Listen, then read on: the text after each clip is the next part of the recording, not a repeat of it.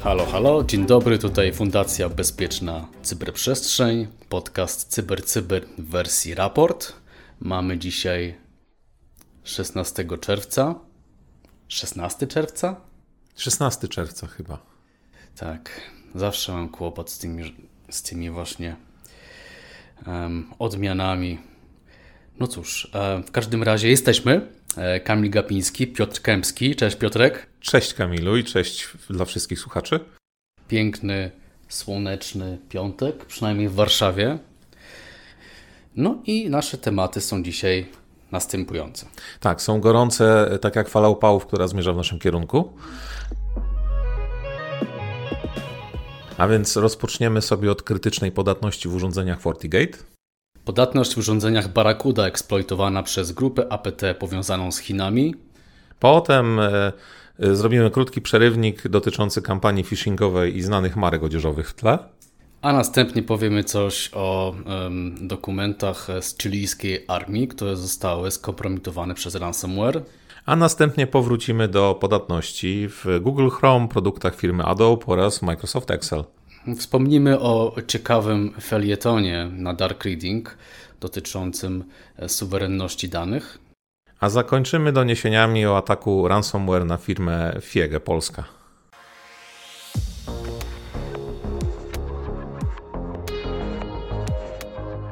Partnerem strategicznym podcastu CyberCyber jest Koncert SA, lider na polskim rynku cyberbezpieczeństwa. Sprawdź nas na www.koncert.pl. No dobrze, to od takiej listy wydarzeń przejdźmy do szczegółowych informacji. Mm, pierwszy nasz news na dziś to krytyczna podatność w urządzeniach FortiGate. E, odkryto ją e, całkiem niedawno. E, może ona pozwolić na zdalne wykonanie kodu. Podatność otrzymała numer CVE 2023 279 97. No, taka końcówka, jak kiedyś z programu telewizyjnego 997, zresztą numer, tak. Ta podatność jest o tyle ciekawa, że tak naprawdę nie było publikacji na temat jej wykrycia, a uwagę wszystkich zwrócił fakt, że firma opublikowała, producent rozwiązań FortiGate opublikował e, aktualizację oprogramowania. I potem wszyscy zaczęli zastanawiać się, cóż to się musiało wydarzyć, e, e, że nagle aktualizujemy oprogramowanie urządzeń. I tymże tropem analiz badacze bezpieczeństwa dotarli do informacji na temat tejże podatności, a podatność ta umożliwia tak naprawdę mm, e, jej pomyślne wykorzystanie, e, umożliwi, umożliwi zdalne wykonanie kodu w kontekście konta usługi, e, którego podatność tak naprawdę dotyczy. W zależności od uprawnień skompromitowanego konta, atakujący może instalować programy, przeglądać, zmieniać lub usuwać dane oraz tworzyć nowe konta z pełnymi uprawnieniami użytkownika. Najbardziej zagrożone są oczywiście konta z dostępem administracyjnym. Podatne są wersje FortiOS wcześniejsze niż 6.0.17, 6.2.15, 6.4.13, 7.0.12 i 7.2.5. Tutaj producent wydał już poprawki do tychże wersji. Tak w zasadzie cała historia, cały news rozpoczął się w zasadzie od tego, że e, te aktualizacje zostały opublikowane, więc zaktualizujcie swoje systemy urządzeń FortiGate tak szybko jak to możliwe. Tutaj przypominam, e, FortiGate to rozwiązania firmy Fortinet. E, rozwiązania te tak naprawdę to urządzenia typu firewall, które również zapewniają funkcjonalności VPN, SSL VPN. Mm, jeśli tutaj jeszcze może być coś, co pod, może podgrzać e, całą atmosferę, to fakt, że FortiGate, e, so, so, sorry, Fortinet e, poinformował, że podatność ta mogła zostać wykorzystana w atakach na infrastruktury krytyczne, tudzież rządowe bądź produkcyjne różnych firm. A także kolejny fakt, w bazie Shodan odnaleziono ponad 500 tysięcy podatnych urządzeń e, a więc takich, które nie zostały jeszcze zaktualizowane. No to pół miliona raczej nie dziwi z uwagi na to, że ten vendor jest dosyć popularny, jeżeli chodzi o urządzenia sieciowe, urządzenia, systemy cyberbezpieczeństwa. E, Forti ma też e, e, między innymi system CM, jakiś system zaawansowanych wykrywania zaawansowanych ataków. No trochę tutaj jakby mają te ich portfolio produktowe jest dosyć szerokie. No, ale ciekawe, pół miliona podatnych urządzeń, no to jest co łatać rzeczywiście. Tak, zwłaszcza, że bardzo często niestety jeszcze pozostaje taka zasada, że jak działa, to nie ruszaj wśród administratorów, więc e, jeżeli nas słuchacie, jeżeli macie wpływ na to, co robią wasi administratorzy tychże urządzeń, to myślę, że to jest dobry moment, aby powiedzieć im, hej, zaktualizuj je. Tak, w szczególności no, warto mieć jakby aktualne i załatane systemy cyberbezpieczeństwa, systemy sieciowe. Nie? To się wydaje takie tak, dobrą praktyką. Lecimy dalej, e, chociaż również będziemy rozmawiać o operatywności, ale mm, w kontekście bardzo ciekawej e, analizy, która została przeprowadzona przez, przez Mandiant. No, Mandianta raczej nie trzeba przedstawiać. Analitycy cyberbezpieczeństwa analizują m.in. właśnie grupy APT i zaawansowane ataki. No otóż e, w październiku 2022 roku, czyli tutaj się e, cofamy trochę, e, nie zidentyfikowany do tej pory podmiot związany z Chinami i oni tutaj go oznaczyli jako UNC 400 4841 rozpoczął wykorzystywanie nieznanej wcześniej podatności, czyli Zero Day'a tak zwanego, no dzisiaj już znanego jako CVE 2023-2868 właśnie w urządzeniach, e, tym razem też vendora cybersecurity Barracuda. E, Barracuda Email Security e, Gateway tutaj, tak? Czy platformy. Konkurencja tak, Fortinetu, tak, można tak. powiedzieć, bo też jest FortiGate przecież. To tak, to dzisiaj mamy taki właśnie podcast, powiedzmy, e, trochę właśnie ukierunkowany na tych dwóch e, vendorów. No i właśnie no ten Barracuda Email Security Gateway to taka właśnie platforma ochrony serwera pocztowego, więc te wszystkie gdzieś tam tutaj są na radarze phishingi i innego rodzaju kompromitacje związane z pocztą. No atak tutaj zdaniem Mandianta miał na celu szpiegostwo i dotknął wiele sektorów i wiele regionów geograficznych. UNC 4841, czyli ta grupa APT, początkowo e, zyskała dostęp do urządzeń e, Barracuda, e, wysyłając klasycznie, oczywiście to było wcześniej wykorzystane maile ze złośliwymi załącznikami, które gdzieś tam miały wykorzystywać tę podatność, czyli ten payload miał wykorzystywać. Po, dostępu, po zdobyciu dostępu grupa natomiast gromadziła określone dane do wydobycia z tych właśnie, z tych właśnie systemów a w niektórych przypadkach wykorzystywała jakby technikę tutaj lateral movement. I atak polegał głównie na trzech grupach kodów: Saltwater, CSPY i Seaside w celu utrzymania obecności na urządzeniach właśnie Barracudy. Mm, wszystkie trzy grupy kodów usiłały udawać prawidłowe moduły lub usługi tej firmy. E, no i właśnie w maju, 19 maja 2023 roku Barakuda odkryła te działania tej grupy mm, APT, a dwa dni później zaczęła wydawać łatki mające na celu usunięcie tych jakby złośliwych e, kodów e, z dotkniętych urządzeń. W odpowiedzi na te działania z kolei e, Chińczycy zmodyfikowali swoje oprogramowanie i zastosowali dodatkowe mechanizmy utrzymania dostępu, czyli persystencji. No, czyli tutaj rzeczywiście to jest atak jakby już no, atak typu APT, no nie ma tutaj co w ogóle mieć jakichś wątpliwości, tak. E, UNC e, kierował swoje działania na liczne ofiary z co najmniej 16 różnych krajów, no czyli jakby kampania dosyć poważna, e, na pewno zaplanowana i no wiedzieli co robią.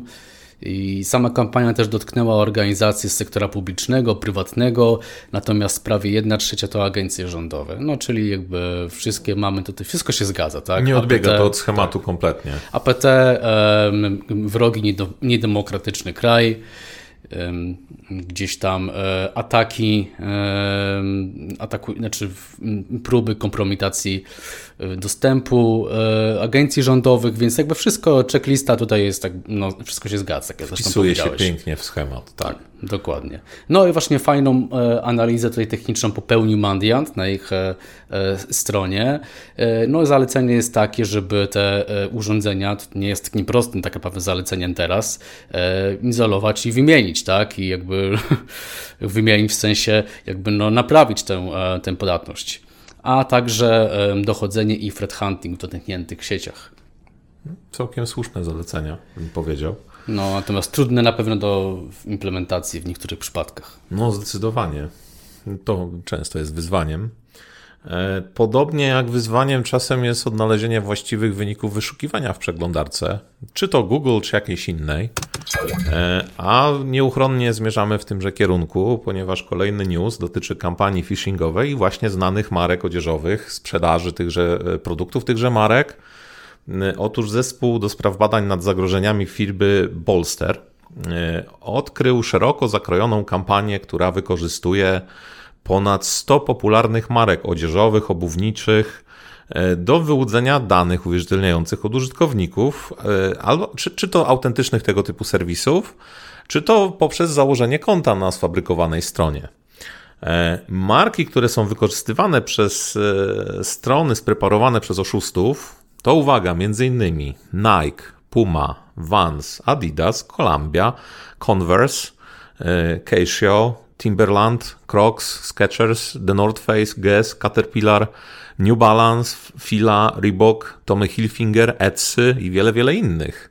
Więc sporo tutaj, e, że tak powiem, znanych brandów się pojawia.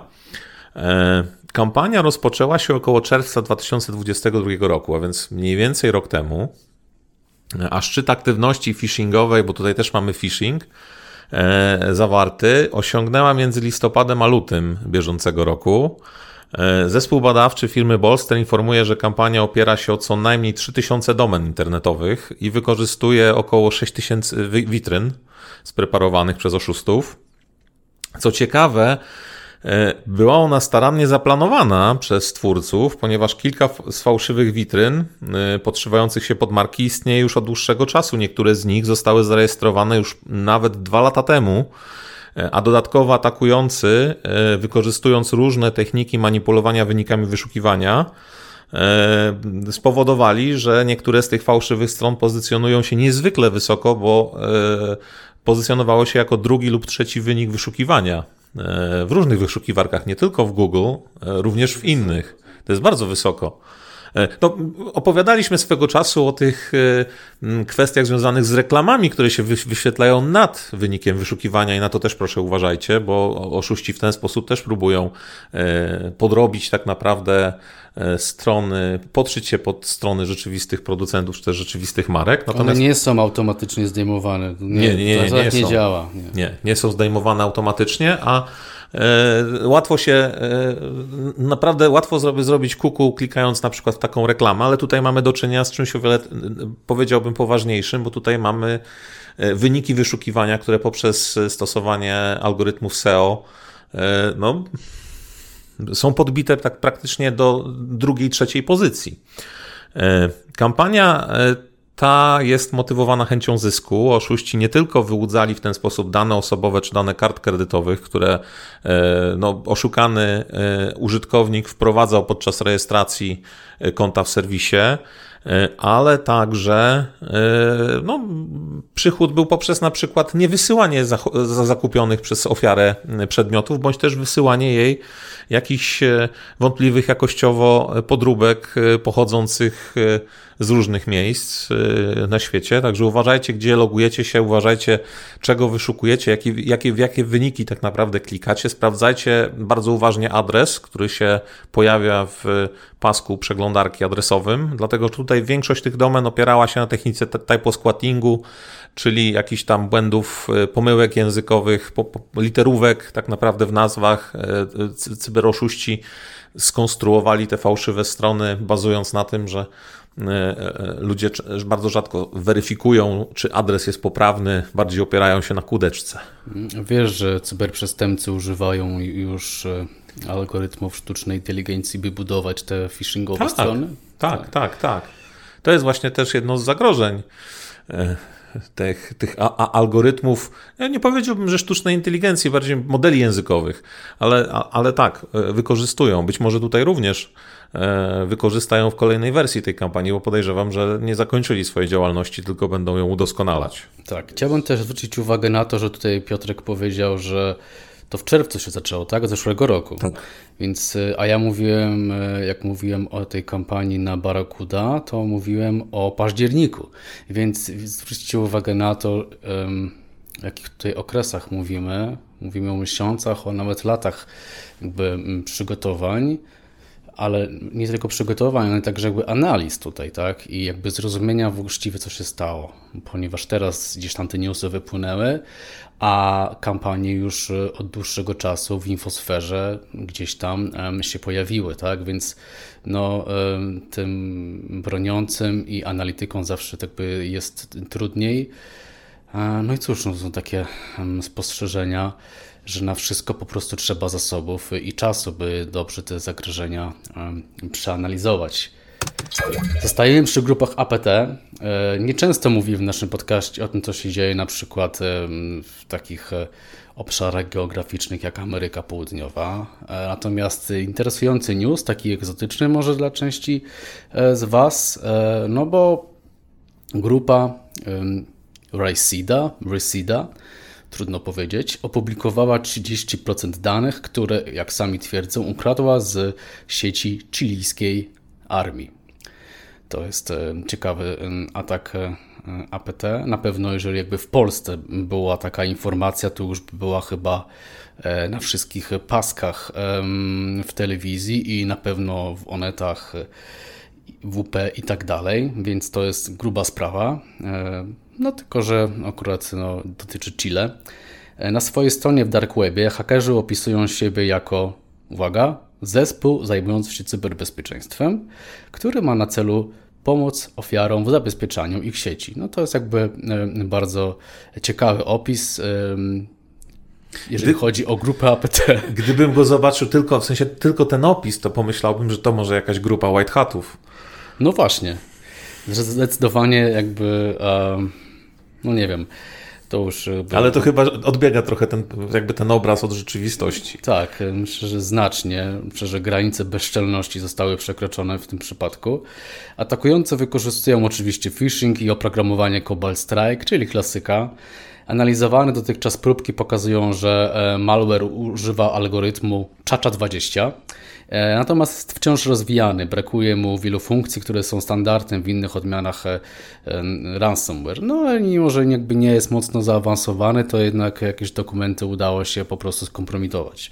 Podczas wykonywania operacji ransomware uruchamia okno tutaj wieszcza poleceń, skanuje lokalne dyski i pozostawia um, oczywiście notatkę um, już związaną z zakupem już po tutaj zaszyfrowaniu tych plików, czyli właściwie klasyczny proces jakby szyfrowania i klasyczny atak ransomware. Ofiary są przekierowywane do portalu grupy w sieci Tor, gdzie otrzymują instrukcje dotyczące płatności. No tak naprawdę 2015 rok. Jak tak że mm, się przyglądam temu um, newsowi. Tutaj y, natomiast interesujące jest e, to, że mm, jest ten trend, też ten atak się utrzymuje w takim trendzie, kiedy grupy cyberprzestępcze stosują wielokrotne wymuszenia, tak? czyli na przykład nie tylko, nie tylko właśnie szantażują na przykład z kompromitacją danych, ale także szantażują upublicznieniem, czy na przykład robią to w kilku częściach, tak? czyli na przykład upubliczniają 30, potem 60% i to jest tak naprawdę teraz jeden z takich obecnie trendów, że ten proces i ilość tych, tego szantażu jest jakby ten proces się wydłuża po prostu. O to, to, to miałem e, na myśli. No, wyobrażam sobie, że chyba nie ma tygodnia, gdzie byśmy nie mogli znaleźć jakichś interesujących e, i dużych incydentów związanych z ransomwarem. No, ogólnie z danymi tak naprawdę. I bardzo często początkiem tego typu ataków jest albo człowiek, albo podatności, do których za chwilkę wrócę. E, bo e, no, sporo tych produktów, sporo tych podatności się pojawia. E, a ponieważ myślę, że słuchacie nas oczywiście z zainteresowaniem, ale też produktów, czy też oprogramowania, którego, z którego korzystacie, jest, jest bardzo dużo. A każdy korzysta chyba z przeglądarki jakiejś, przeglądając internet. Mm, I tutaj mm, zacznijmy ten nasz kolejny news od, od popularnej przeglądarki, tak myślę. Chodzi o Google Chrome. Odkryto w niej kilka podatności, z których najpoważniejsza może e, umożliwić atakującemu wykonanie dowolnego kodu w kontekście zalogowanego użytkownika. Konsekwencje takiego ataku mogą być e, różne, oczywiście, w zależności od uprawnień tego użytkownika. Natomiast y, atakujący może uzyskać możliwość instalowania programów, przeglądania, modyfikowania lub usuwania danych, a nawet tworzenia nowych kont, jeżeli jest to, nie daj Boże, administrator. Pamiętajcie, nie pracujcie nigdy na koncie z podniesionymi uprawnieniami w dowolnym systemie. Zawsze to źle się kończy. Polecamy wiele kont. Tak, wiele kont, najlepiej o różnych uprawnieniach i na te z największymi nie logujcie się praktycznie żadnie, e, e, praktycznie nigdy. E, korzystajcie z funkcji, które dostarcza system operacyjny, aby uruchamiać jakieś procesy czy programy jako dany użytkownik, a nie wprost logując się na konto i uruchamiając programy. Wracając do, tej podatno, do tych podatności, mm, Podatne są wersje starsze niż, i tutaj długi numerek, 114.0.5735.133 łamane na 134 dla Windows i 114.05735.133 dla macOS i Linux. E, no ale tak jak mówiłem, podatności jest sporo, tak równie e, można powiedzieć nawet więcej niż produktów, bo najczęściej jest e, wiele podatności w danym produkcie. Firma Adobe to kolejny element tego, tej naszej wiadomości.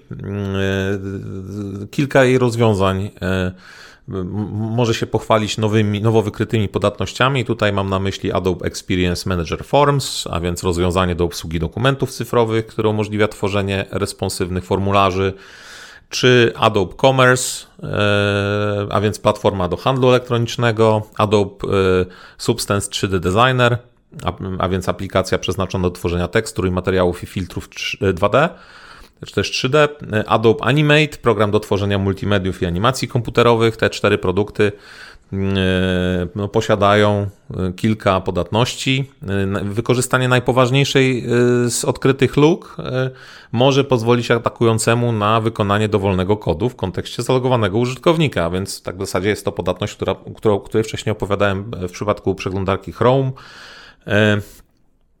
Listę podatnych wersji oprogramowania, no, ona jest długa, bo różnych wersji dotyczy, możecie odnaleźć w materiałach, e, pod, do których prowadzi link pod naszym podcastem. A ja tak naprawdę mm, tak ekspresowo chciałbym przejść do trzeciego vendora w tym newsie, a więc firmy Microsoft, która naprawdę duży kawałek rynku można powiedzieć, wykroiła dla siebie, e, a konkretnie do rozwiązania Microsoft Excel, elementu e, pakietu MS, e, Microsoft Office, a więc arkusza kalkulacyjnego. I tutaj firma Cisco Talos odkryła w Excelu dwie podatności, które mogą pozwolić atakującemu na wykonanie dowolnego kodu na docelowej maszynie.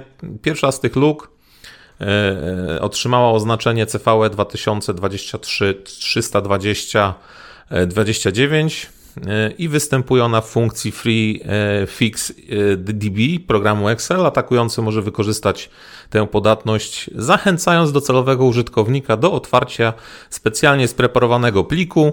Następnie atakujący może manipulować stosem w taki sposób, że uzyska możliwość wykonania dowolnego kodu. A druga podatność, która została oznaczona numerem CVE 2023 331 33, funkcjonuje w podobny sposób, ale w tym przypadku powoduje odczyt danych poza zakresem, a następnie e, zmienia się on w zapis poza zakresem. A taka sytuacja może prowadzić do uszkodzenia pamięci i ostatecznie do wykonania dowolnego kodu. Łaty adresujące tę podatność zostały opublikowane w ramach czerwcowego pakietu aktualizacji Microsoft, a więc Patch Tuesday, który uwaga miał miejsce 3 dni temu. Czerwcowy zestaw łat adresuje ponad 70 podatności, w tym kilka o charakterze krytycznym, tak jak na przykład podatność CVE 2023 293 57 w serwerze Microsoft SharePoint i ta podatność, uwaga, otrzymała scoring CVSS na poziomie 9,8 na 10 możliwych e, punktów. Więc Myślę, jest naprawdę że krytyczna. administratorzy SharePointa powinni zwrócić szczególną uwagę na Tak, podatność. zgadza się. E, Zgadza się. Aktualizujcie swoje systemy. To jest generalna zasada, którą każdy administrator powinien mieć wydrukowaną i przyczepioną nad biurkiem. Rozumiem, że ty taką miałeś onegdaj. Zdarzyło się. No właśnie. Taki reminder miałem przyczepiony, tak. Działał? Działał. Działał, aczkolwiek e, też zachęcam do e, czegoś jeszcze. Wszystkich administratorów testujcie te aktualizacje najpierw, e, bo e, możecie sobie też oszczędzić wielu problemów. No tak, jakby pośpiech jest jakby czasem wskazany, natomiast e, gdzieś tam warto iść z dobrymi praktykami z odpowiednim procesem, nie? Do tego Zgadza się. podchodzić. E, Z tematów technicznych i podatności przechodzimy do bardziej takiego filozoficznego tematu. E, Interesujący felieton znaleźliśmy na, na Dark Reading. Tutaj felieton e, dwóch autorów, autorki jednej Jessica Gulik z US Cyber Games Commissioner i na- Nathana Wegi, Vice President of Solution Strategy w Protegrity. Chodzi o e, suwerenność danych i taką koncepcję danych bez granic, tak? Czyli czy nasze dane w ogóle, no, no, to, co, to, co właściwie jest rozważane, no to y, czy dane mają, no może właśnie jakąś tam narodowość, tak? Czy są przypisane do jakiegoś konkretnego obszaru geograficznego. Y, No i właśnie odnotowałem kilka takich jakby przemyśleń z tego felietonu. Mm, Polecam się zapoznać. Era cyfrowa przyniosła początkowo jakby swobodny przepływ danych. Pamiętamy, jak internet wyglądał w latach 90. i później jeszcze. E, No ale mamy pewne regulacje właśnie, które wprowadzają granice tak, dla tych danych. No, taką z popularniejszych regulacji jest na przykład GDPR, tak, który jakby mocno tutaj akcentuje e, sprawy związane z tym, gdzie dane są przetwarzane na przykład. E, Więc organizacje muszą z jednej strony się dostosować do, do, do, do tych praw, suwerenności danych, no a z drugiej strony wiadomo, że zawsze jest istotna też tak ta dostępność i istotny jest jakby biznesowy aspekt działalności. Więc tutaj są tego typu um, mm, rozważania. Suwerenność danych narzuca granice geograficzne dotyczące przetwarzania i przechowywania danych, co z kolei stawia przed firmami em, wyzwania, no właśnie związane z pozyskiwaniem i z ochroną danych osobowych, między innymi. No i tutaj jakby jest taka też myśl, zawsze z tym są związane duże e, koszty, jeżeli chodzi o e, właśnie wprowadzanie takich kolejnych jakby zabezpieczeń. E, No i generalnie sobie ja odnotowałem taką sprytną tabelkę, jeżeli chodzi o argumenty e, za suwerennością danych i za danymi bez granic. No i według tej tabelki takie kilka punktów, jeżeli chodzi za suwerenność danych, no to mamy właśnie ochronę, ochronę tych danych, budowanie zaufania i reputacji, lojalność klientów, e, zgodność e, z regulacjami, dane bez granic po drugiej stronie. Mamy tutaj przepływ danych między no, tymi granicami, tak? czyli jakby lepsza optymalizacja, operacyjność i tak dalej. No biznes się lepiej wtedy kręci, tak? Szybkie, zwinne decyzje, dostęp do nowych rynków i wsparcie dla globalnych operacji. No i tutaj właśnie w szczególności takie firmy, jak na przykład e, no, firmy międzynarodowe, korporacje trans, transgraniczne, różne przedsiębiorstwa muszą się zawsze zastanowić, jak te swoje operacje tutaj um, ułożyć, no bo um, każde, e, mm, przedsiębiorstwo jest w kilku krajach, no, ale w kilku w regionach geograficznych, kontynentach, no to wszędzie są inne prawa, więc tutaj um, zawsze są takie ryzyka, no i cóż, ten compliance może różnie wyglądać. I właśnie w takim duchu jest ten felieton e, napisany. E, no, ciekawe takie przemyślenie, lekko właśnie um, filozoficzne, ale z takim też jakby e, biznesowym pewnym sznytem. No tak, ale to jest aktualny temat wszędzie, myślę, bo no, oczywiście bardzo aktualny dla nas, użytkowników różnego rodzaju usług, ale też dla dostawców, bo wszelkie korporacje o zasięgu globalnym, tak jak powiedziałeś, musiały się prędzej czy później na jakimś, etapie swojej działalności się z nim zmierzyć. No przecież e, teraz mamy, e, że tak powiem, e, żyjemy w epoce chmur.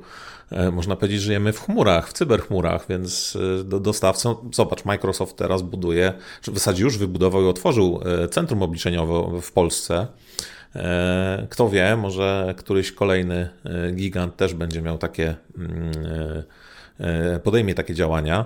E, a też przecież gdzieś tam na horyzoncie słyszymy i czytamy ostatnio o sporach pomiędzy Stanami Zjednoczonymi i Unią Europejską właśnie e, w zakresie GDPR, więc to są jak najbardziej aktualne tematy. Aktualne tematy i tak właśnie filozoficznym takim akcentem ten news można zakończyć, że właśnie pracowałem nad tym właśnie akcentem. Nie wiem, czy to tak wyjdzie, ale powiedziałbym, że no, jesteśmy właśnie w tych chmurach, ale może nie bądźmy we mgle.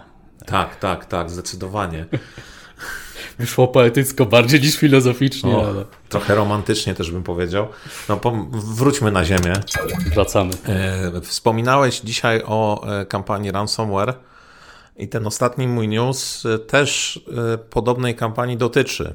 Otóż, jeżeli ktoś przegląda taki serwis sekurak.pl, to pewnie może odnaleźć jeden z, no, z, najnowszych newsów w tymże serwisie, a news traktuje o ataku ransomware skierowanym przeciwko polskiemu oddziałowi firmy Fiege, grupy, grupy Fiege tak naprawdę.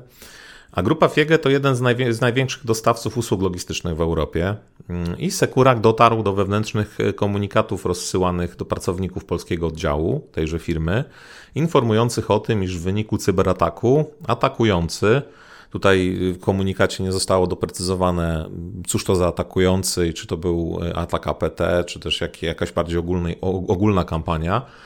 E, w każdym razie atakujący uzyskał dostęp do danych osobowych zawartych w systemie o nazwie Expertise, e, po czym dane te zostały zaszyfrowane. I teraz uwaga, cóż to taki, e, cóż to jest za system Expertise? Otóż jest to system klasy ERP, a więc rozwiązanie, które potrafi bardzo głęboko sięgnąć do e, każdej organizacji, ponieważ e, posiada ona, e, ono różne moduły, w tym finansowo-księgowy, kadrowo-płacowy, logistyczno-produkcyjny, kontrolingowy i wiele, wiele innych.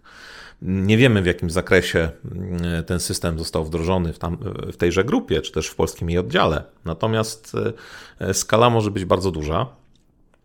I tutaj w komunikacie wewnętrznym firma przestrzega swych pracowników przed potencjalnymi konsekwencjami wycieku danych oraz informuje o podjętych działaniach związanych z obsługą incydentu, bo tam został powiadomiony właściwy CERT mm, oraz podjęto stosowne działania i analizowany jest tak naprawdę ten incydent ciągle.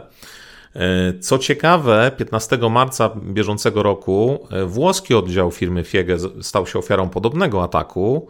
E, w przypadku marcowego ataku mm, sprawcą był gang ransomware Logbit 3.0 i gang ten wykradł i zaszyfrował 259 GB danych. Firma otrzymała żądanie wypłaty okupu, zaś Logbit opublikował część danych w Dark Web. Mm, tutaj jest jeszcze jeden aspekt dość interesujący, ponieważ e, sposób, w jaki o całej sprawie, można powiedzieć, dowiedzieliśmy się i dowiedział się o nim serwis Sekurak, ponieważ zgodnie z treściami opublikowanymi w serwisie, E, wygląda na to, że któryś z pracowników Fiege Polska udostępnił serwisowi zdjęcia wewnętrznego dokumentu, który traktował o, o incydencie, więc jest to dość ciekawa forma, można powiedzieć, ponieważ patrząc na to z perspektywy, e, z dystansu, z boku, można by pomyśleć, że pracownik dopuścił się wycieku informacji. No, pewnie będziemy obserwować, co się dzieje dalej z tym incydentem. To rzeczywiście ciekawa, ciekawa sytuacja. Zgadza się. E, ale jeśli chodzi o jeszcze takie e, ciekawe inne newsy z innej e, dziedziny, można powiedzieć, to miło mi donieść, iż w środę, to jest 14 czerwca, w minioną środę, miały miejsce szóste rozgrywki Ligi Cybertwierdzy, ostatnie przed wakacjami, ostatnie przed wielkim finałem. No, uczestników było wielu, rywalizacja była zażarta. Scenariusz, z którym walczyli uczestnicy, powstał na bazie E, innego ciekawego incydentu, tudzież działalności grupy APT, e, której to grupie nadano nazwę Volt Tycoon.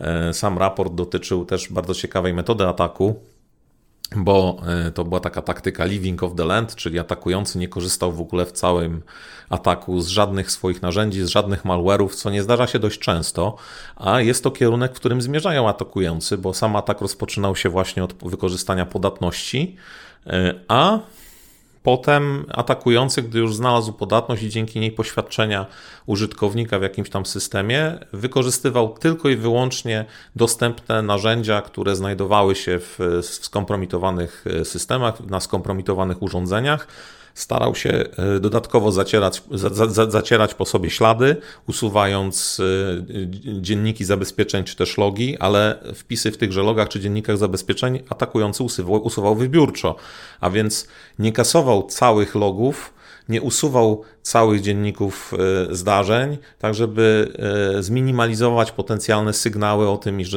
iż w skompromitowanych sieciach dzieje się coś niezwykłego. Jak sobie poradzili użytkownicy, znaczy nasi gracze? Bardzo dobrze o dziwo, pomimo faktu, że otrzymali bardzo niewiele wskazówek, cóż to za atak będzie i czego atak będzie, e, na jakiej kampanii atak będzie się opierał, scenariusz będzie się opierał. No, wyniki były bardzo dobre.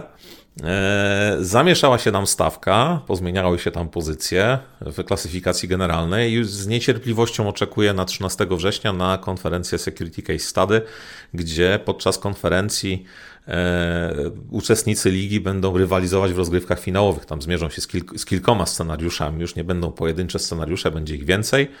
E, no i te scenariusze też będą mogły zamieszać i na pewno zamieszają e, klasyfikacją generalną.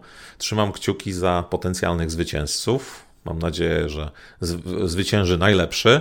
E, a co jest ważne do odnotowania, to e, ta rywalizacja środowa była o tyle istotna, iż pierwsze 10 zespołów w klasyfikacji otrzymało darmowy, darmowe wejściówki na właśnie naszą konferencję, na którą serdecznie Was zapraszamy oczywiście. My tam oczywiście będziemy, będziemy przy stoisku fundacji, będziemy też się kręcić w ogóle na konferencji, blisko cybertwierdzy. No i cóż, e, ostatni news, e, właśnie do który nieplanowany i Piotrek o nim nie wie, bo właśnie do mnie dotarło, że wczoraj e, właśnie nastąpiła premiera najnowszego sezonu Black Mirror na Netflixie i o. pierwszy odcinek mocno się wpisuje to, co tu robimy i e, no, no w cyberbezpieczeństwo, ochronę prywatności, więc e, polecam. Sezon się rozpoczyna naprawdę na grubo e, i jest bardzo aktualny, także tyle ode mnie. No, może wieczorem dzisiaj zrobimy z moją lepszą połówką popcorn i, i obejrzymy a może nawet skomentujemy na, na naszym e, podcaście. Kto wie? Piotr Kępski i Kamil Gapiński byli przy mikrofonie. Pozdrawiamy, bądźcie cyberbezpieczni. Bądźcie cyberbezpieczni, trzymajcie się ciepło. Cześć.